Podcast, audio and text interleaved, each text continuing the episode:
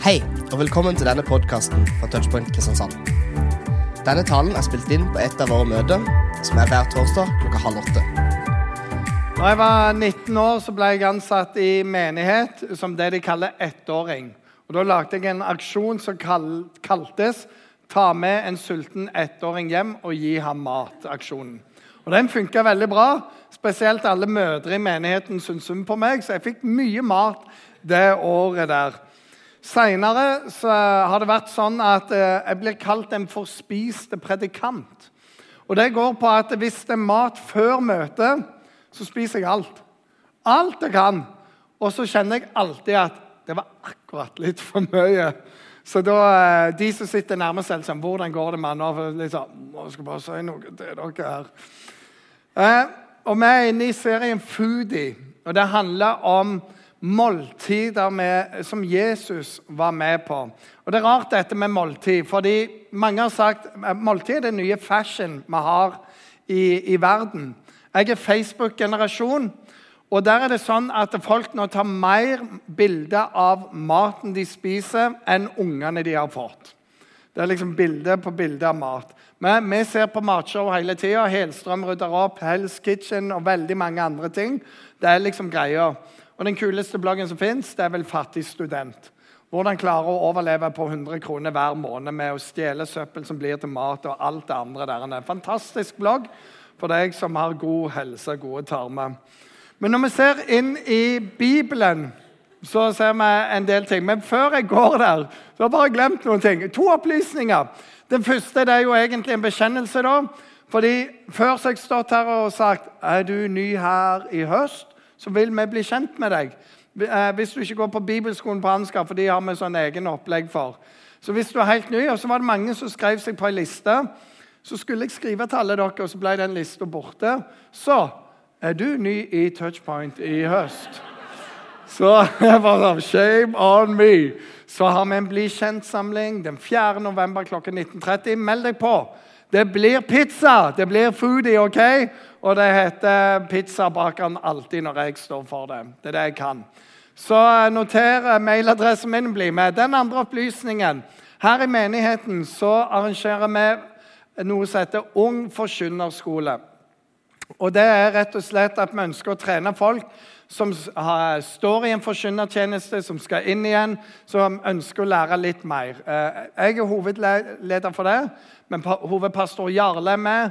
Viggo Klausen, som er barneevangelist, han kommer innom. Og Jens Christian, som jobber her, kommer til å lære oss masse om teknikk og sånne ting som faktisk er litt lurt å ha kontroll på når du skal forkynne. Tre datoer i høst. Du må melde deg på. Hver gang så er det alltid kaffe og litt sånn snacks som serveres.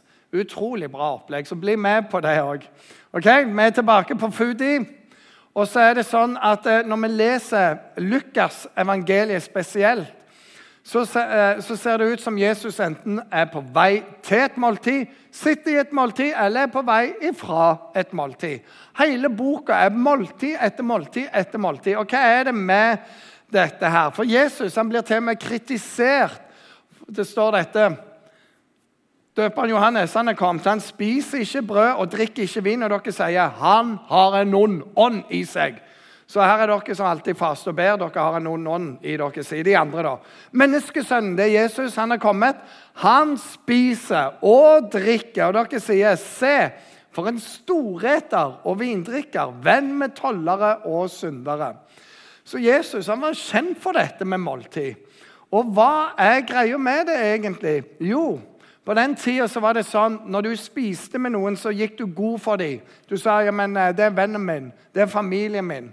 Måltid var utrolig mye mer enn mat. Det var aksept, det var fellesskap. Det, det sa utrolig mye om hvem du var. Og Hvis du tar et studie gjennom Bibelen eller gjennom evangeliene og ser alle plasser Jesus spiste, så kan du si at han var glad i deg, han var glad i deg, han var glad i deg. Jesus var glad i alle mennesker. Og han sa ja til alt han ble invitert til. Så hva sier det om han? Og han er en utrolig, utrolig god mann, men mye mer enn det. Han elsker virkelig alle. Jeg vet ikke hva, Martin, Hvis jeg ba deg fortelle om noen av de mest spesielle matopplevelsene du har hatt, når du tenkte noe, så ble det noe annet. F.eks. når jeg kom på en sånn ny burgersjappe, ser plakaten 'Den burgeren', bestiller den, og så kommer de med den. Har du vært der? Jeg har vært der et par ganger. det er bare sånn, Dette stemmer jo overhodet ikke bildet virkelighet. Enda verre var det når jeg var i London en gang. Jeg var kjempesulten. Det er jeg veldig ofte. Og så går vi midt i Trafalgar Square, og der selger de pizza på gata. Kona mi Katrine er med. Hun sier du bestiller ikke mat her, det ser ikke bra ut. Og jeg jeg syns det så veldig bra ut. Så jeg bestilte to pizzastykker, spiste de med en gang. Og reaksjonen den er nokså sånn med en gang.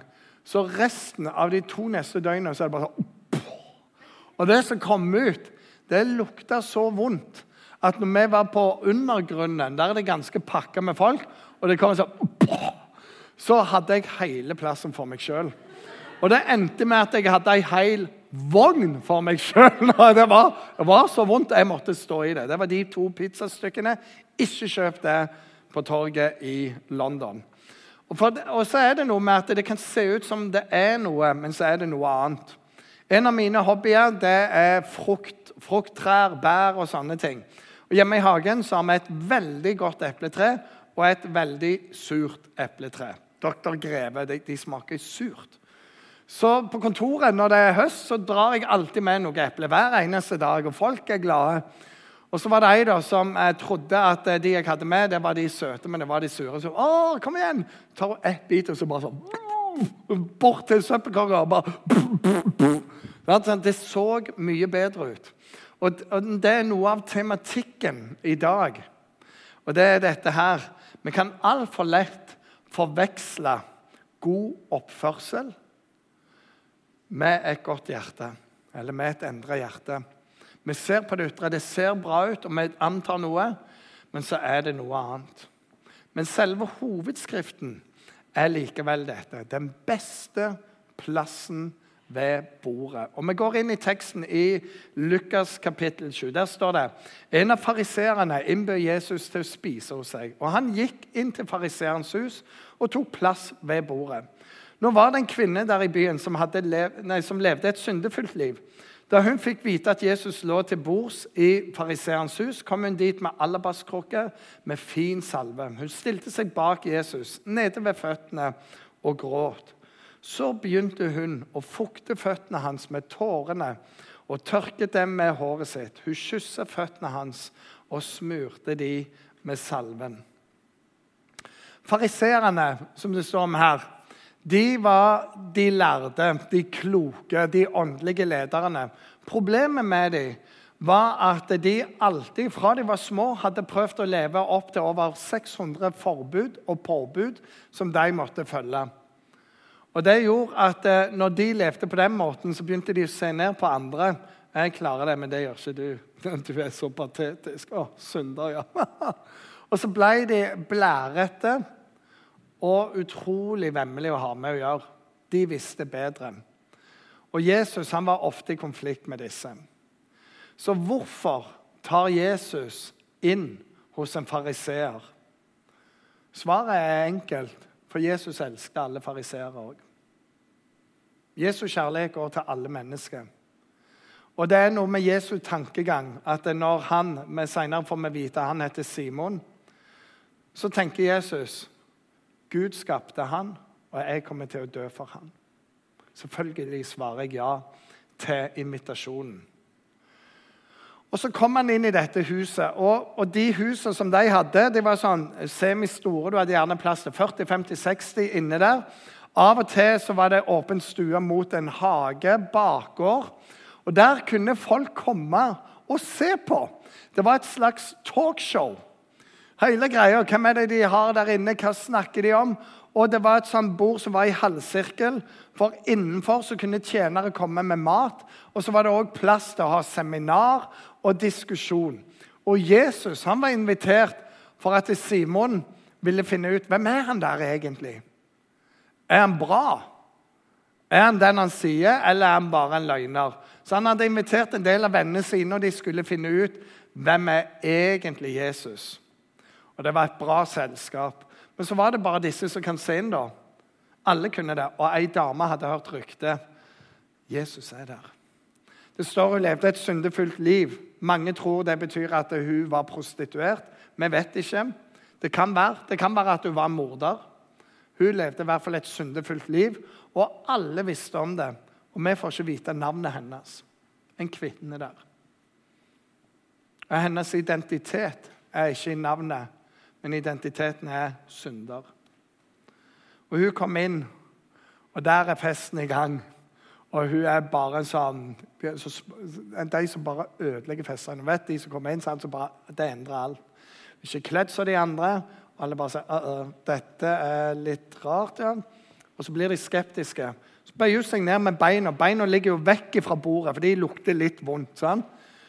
Setter hun seg der ned med Jesus sine bein, og så gråter hun. Og det ordet som de beskriver gråt med her, det er det samme som regn. Altså strigråt. Det bare renner tårer ned. Hun strigråter der. Og folk er sånn OK, dette er weird. Men så gjør hun det som det bikker til skandale, for hun tar løs håret sitt, rister det, og så begynner hun å tørke. Og det, på den tida der Damene gjorde det kun på soverommet når mannen var hjemme. Det var eneste plass hun løsna ut håret. Og det betydde noen veldig kjekke ting for mannen. Så det gjorde ei dame mens en mann eller en prostituert overfor sin kunde. That's it. Og her så løsner hun håret i full offentlighet. Folk er sånn Det er en skandale, rett og slett. Og så tar hun en alabaskrukke, står det. Det er dyre saker. Og så bare knuser han det. Og Det som er oppi det, er antageligvis parfyme, for du hadde kun dyre ting.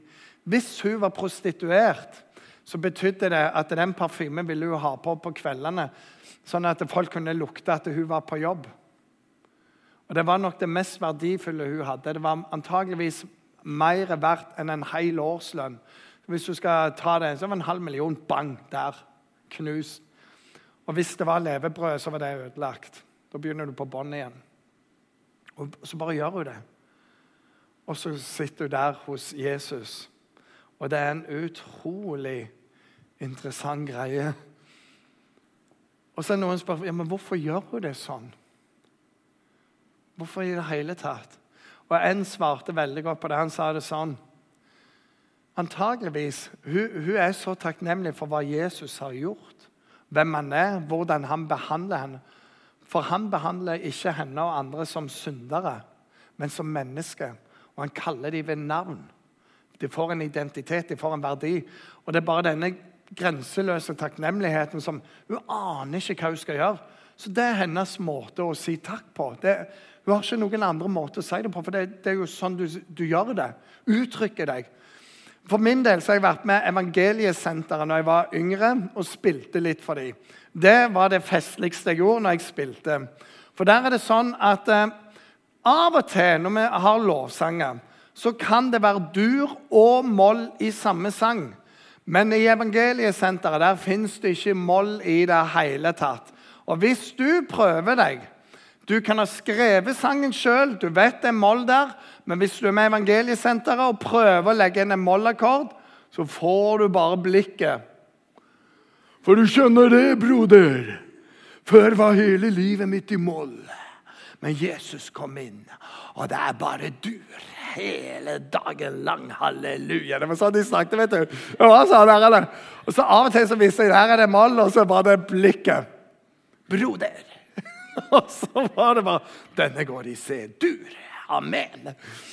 Og så var det da, var vi rundt og spilte på møtet. Det var alltid salig. Folk var jo herlig frelst og glad i Jesus.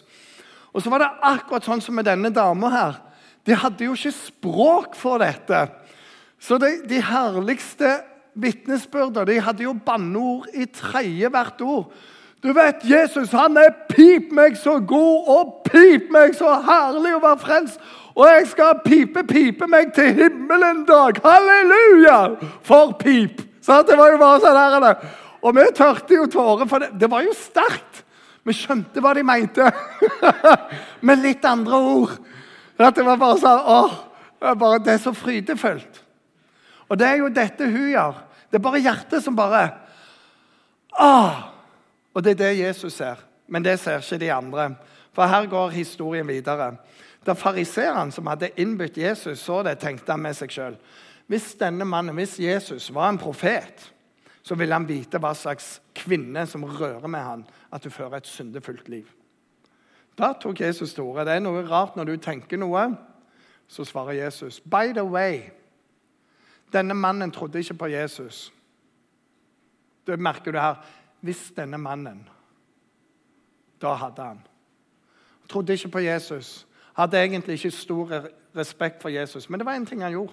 Han inviterte han hjem for å finne ut av hvem er du egentlig. Det går rykter om deg. Noen hater deg, noen elsker deg. Hvem er du? Så han inviterer han hjem. Og hvor enn Jesus blir invitert, svarer Jesus, 'Ja, jeg kommer'.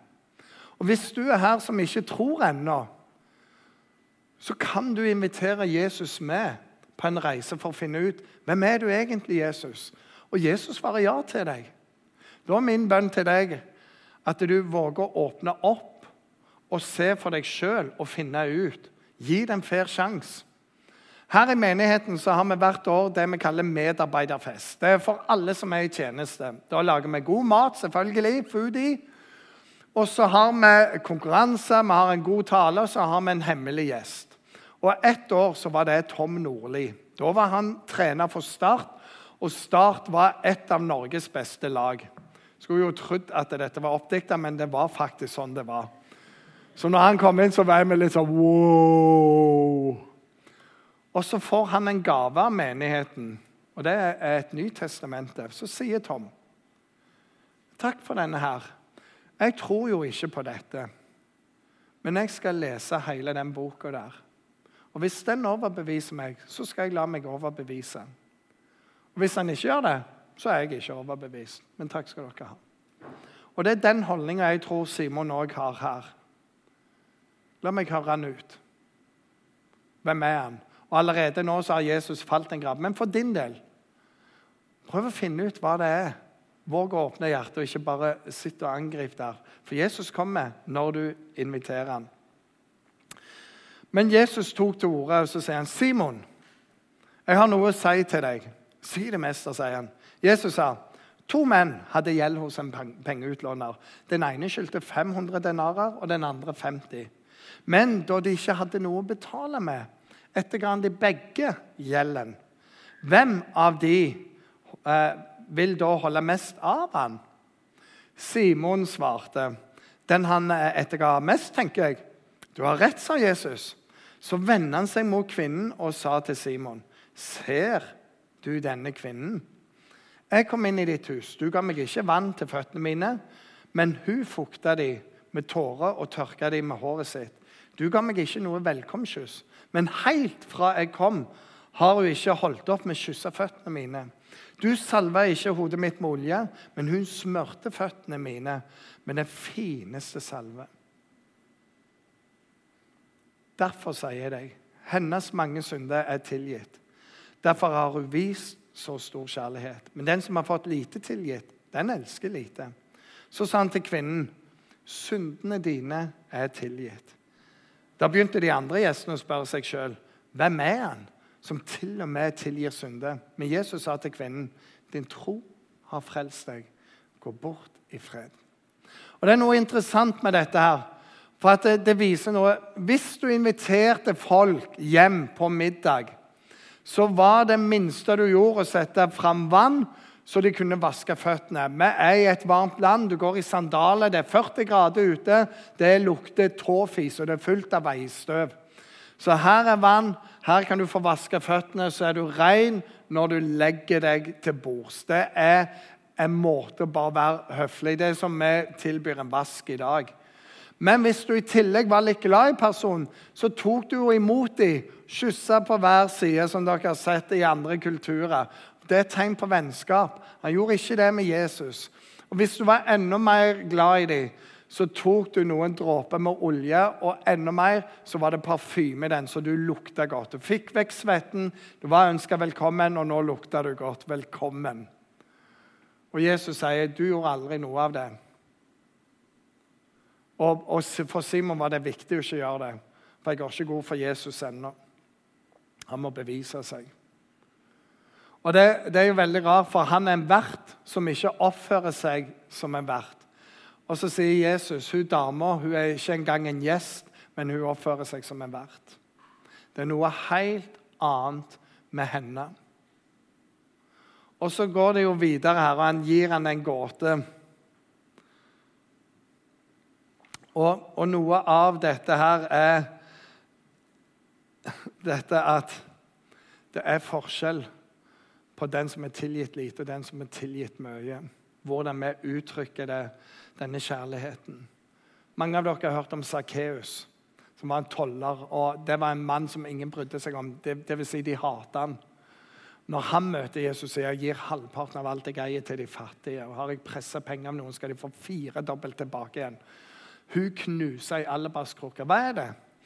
Det er når du forstår hvor glad Jesus er i deg, hvilken verdi han har satt for ditt liv.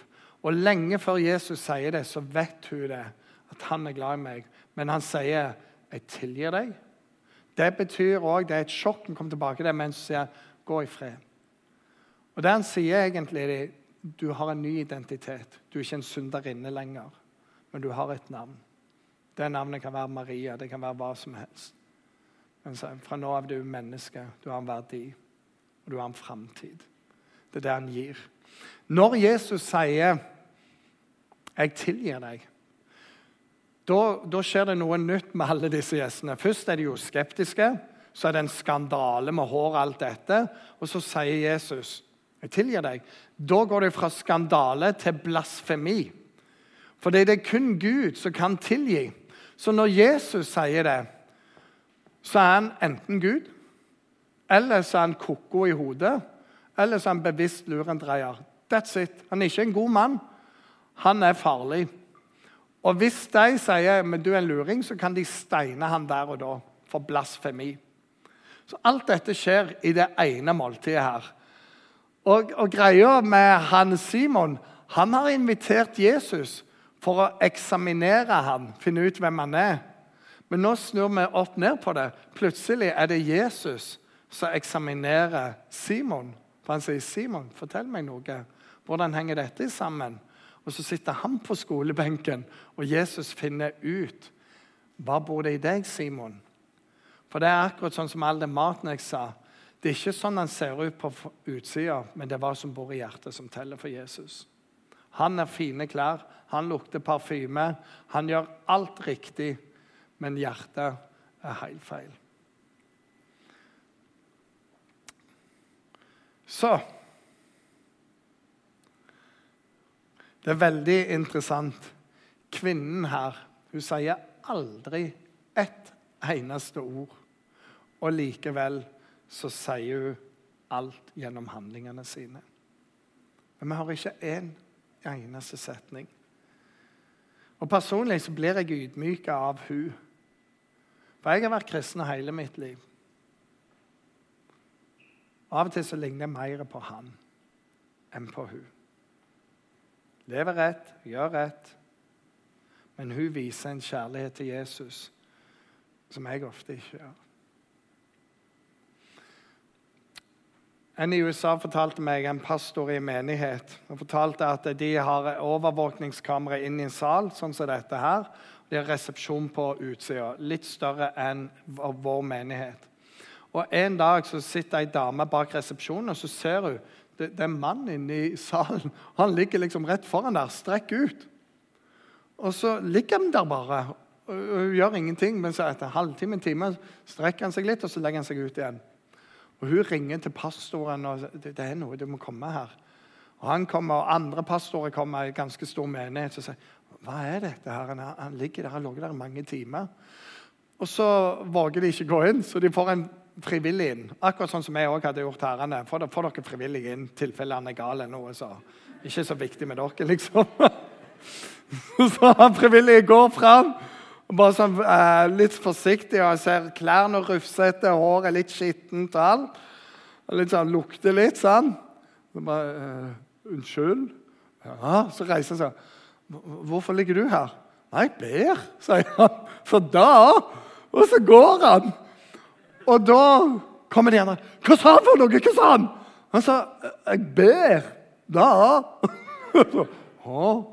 Neste dag, samme tidspunkt, rundt halv elleve, så kommer han inn, legger seg ned, og der blir han liggende i mange timer. Neste dag, akkurat det samme. Etter fire dager så har de pastormøte. Fyren har vært der hver dag, ligget mange timer i bønn. Rett foran der. Og Da sier han ene jeg skulle ønske jeg var på bønnelista hans, for han ber. og så visste de ikke helt hva de skulle gjøre. Hver gang han reiser seg og gått, så går de etter med støvsuger. Liksom, for det er litt truss av det ene og det andre. Så kommer det søndagen.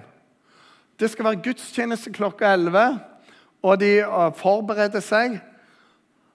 Han kom inn halv time før dette begynner, og de vet dette er krise. Han ligger jo der, og snart skal det være folk overalt der.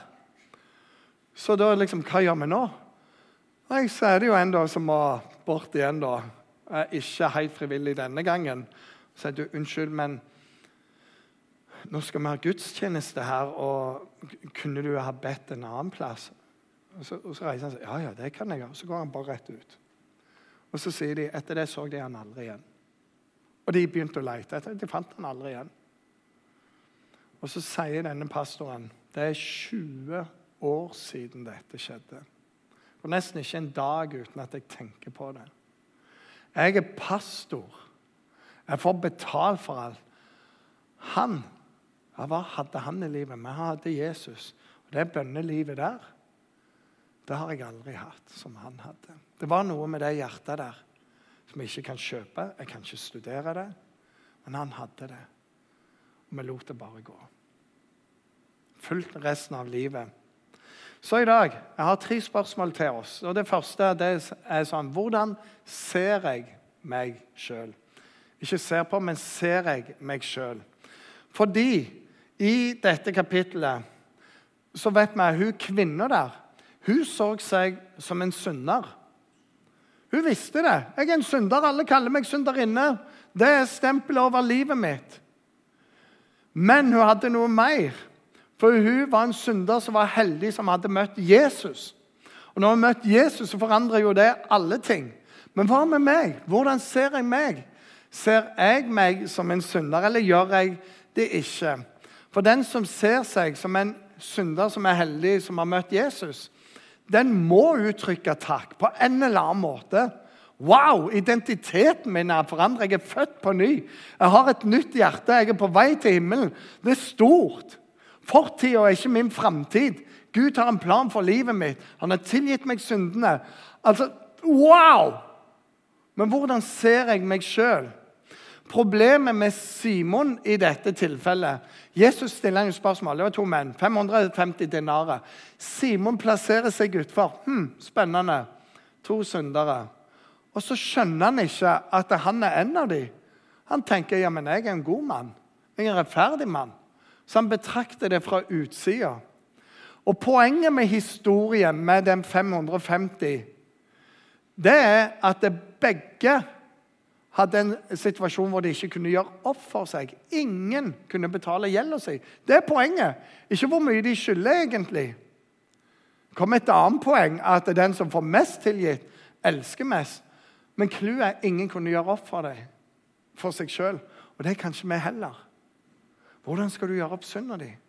Hvordan skal du gjøre opp alt det du har gjort galt?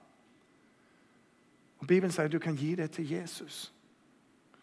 Og så skjer det noe nytt. Så hvordan ser du deg sjøl? Ingen av oss er feilfrie. Alle har syndet. Og da sier Bibelen vi er åndelig døde. Men Jesus han kom for at vi skulle ha liv i han. Men vi trenger å forstå at vi trenger han da. Det forsto ikke Simon. Neste spørsmål er hvordan ser jeg andre? Og Jesus spør jo Simon ser du denne kvinnen her. Og når han spør ser du, så, så er det masse som ligger i det. Ser du hvor høyt hun elsker av Gud? Og som han sier, Simon, Kjenner du historien hennes, eller kjenner du bare ryktet hennes? Ser du denne kvinnen her. Og Det som var med Jesus, det var at han ikke bare kunne se hvor hun hadde vært, men hvor hun kunne komme. Hvis hun får syndene tilgitt, hvis hun får en verdi, hvor kan hun ende i livet? Og Det er jo det som er spennende når du gir livet til Jesus. Tendensen når jeg tenker at jeg er bedre enn andre, jeg fikser livet bedre, jeg gjør bedre valg, det er at jeg begynner å se ned på andre folk. Ja, De er ikke så bra, de, ja, de er ikke så kloke som meg, ja, de er ikke så smarte som meg. Men når jeg innser at jeg sjøl har ting å jobbe med, så, så, ser jeg på andre mye mer nådefullt. Jeg har en eiendom der eh, det nederste stykket er ut mot en vei, og jeg har en nabo som alltid må parkere noe der. Det er tilhengere, det er tønner, det er masse ting. Og så En gang han var borte, så gikk jeg der og så la jeg opp masse masse ved. Og Da kom en annen nabo og spurte Gjør du det fordi du er så irritert på han naboen som alltid parkerer der. Så nei, jeg gjør ikke det. Jeg er sikker på det. Ja, sa jeg. Og så sa jeg til han, Han visste jeg er pastor og alt. Så vet du hva, jeg gjør så mye galt i livet mitt at jeg trenger nåde hele tida. Så jeg har, på, jeg har ikke behov for å liksom gjøre dette mot han. Og så kommer det ganske stift. Ja, vi har alle behov for litt nåde. Og det er jo det når vi våger Hvordan ser jeg meg sjøl, og hvordan ser jeg andre? Så Jeg trenger bare å tørke veden her, faktisk. Det eneste plassen en kan gjøre det. Men det er ikke fordi jeg ikke har det med han. Det tredje spørsmålet er hvordan ser jeg Jesus, da? For Jesus sjokkerte disse og sa du er tilgitt. Og Hva var greia med henne? Var, var hun tilgitt for hun gjorde det med Jesus? Nei, det var troen som hadde frelst henne. Han sier, 'Din tro har frelst deg'. Troen gjør dette. Og alt du gjør, det er bare en respons på at du allerede tror på han. Men de andre de lurer på hvem er denne Jesus. Er han frelseren, eller er han en galning? For det er ikke rom for noe annet imellom der, i den kulturen. Og Hvis Jesus er Gud, så er han hver vår lovsang, vår lovprisning, vår takk, våre penger, alt det vi har. Leve i en relasjon med Han. Til slutt i dette her Jesu føtter de ble skitne. Han gikk rundt omkring. og Det er det andre studiet. Første studiet sa jeg hva om du leser alle disse mattekstene går igjennom? Du vil oppdage Jesus. Han gikk inn til alle. Hvorfor? Jo, fordi han er alles venn. Han, han ønsker det beste for alle som er himmelen. Det andre studiet er Studer alle tekster hvor Jesus går, sitter, alt som har med bein å gjøre. Og Det er også forbløffende. Hun sitter med Jesus sine føtter. Maria satt med Jesus sine føtter. Og Hvorfor sitter denne kvinnen her? I hele det rommet så tenker hun nok det er en plass jeg er tryggere enn andre, og det er ved Jesu føtter. Hvis de jager meg, så får jeg i hvert fall litt mer tid. Det er bare å uttrykke min takknemlighet. Men hun får lov å sitte der. for hun er trygg der. Og Jesus sine føtter de ble gjennomboret for deg og for meg på korset. Ble nagla fast der. Så mye elsker han oss. Så er du villig til å dvele der med føttene, så vil du og bli ydmyk av å se alt som er med Jesu føtter. Så Det beste setet ved dette bordet i denne festen det var faktisk ikke ved bordet i det hele tatt.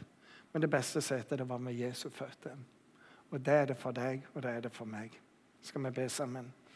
Himmelske Far, jeg takker deg for du sendte Jesus. Og jeg takker deg for alle disse tekstene som, som vi kan lese om alle disse måltidene. Takker deg, Jesus, for du er virkelig synderes og tolleres venn, som det står. Du er en storeter vindrikker. Du er venn med alle oss. Og hver en som inviterer deg inn, sier du ja til. Så ber jeg om at du må hjelpe oss alle å invitere deg inn. Og når de som ikke tror på deg, inviterer, hjelp de å være åpne for hva du har å si. Og når vi inviterer deg inn, hjelp oss òg å være åpne for hva du har å si.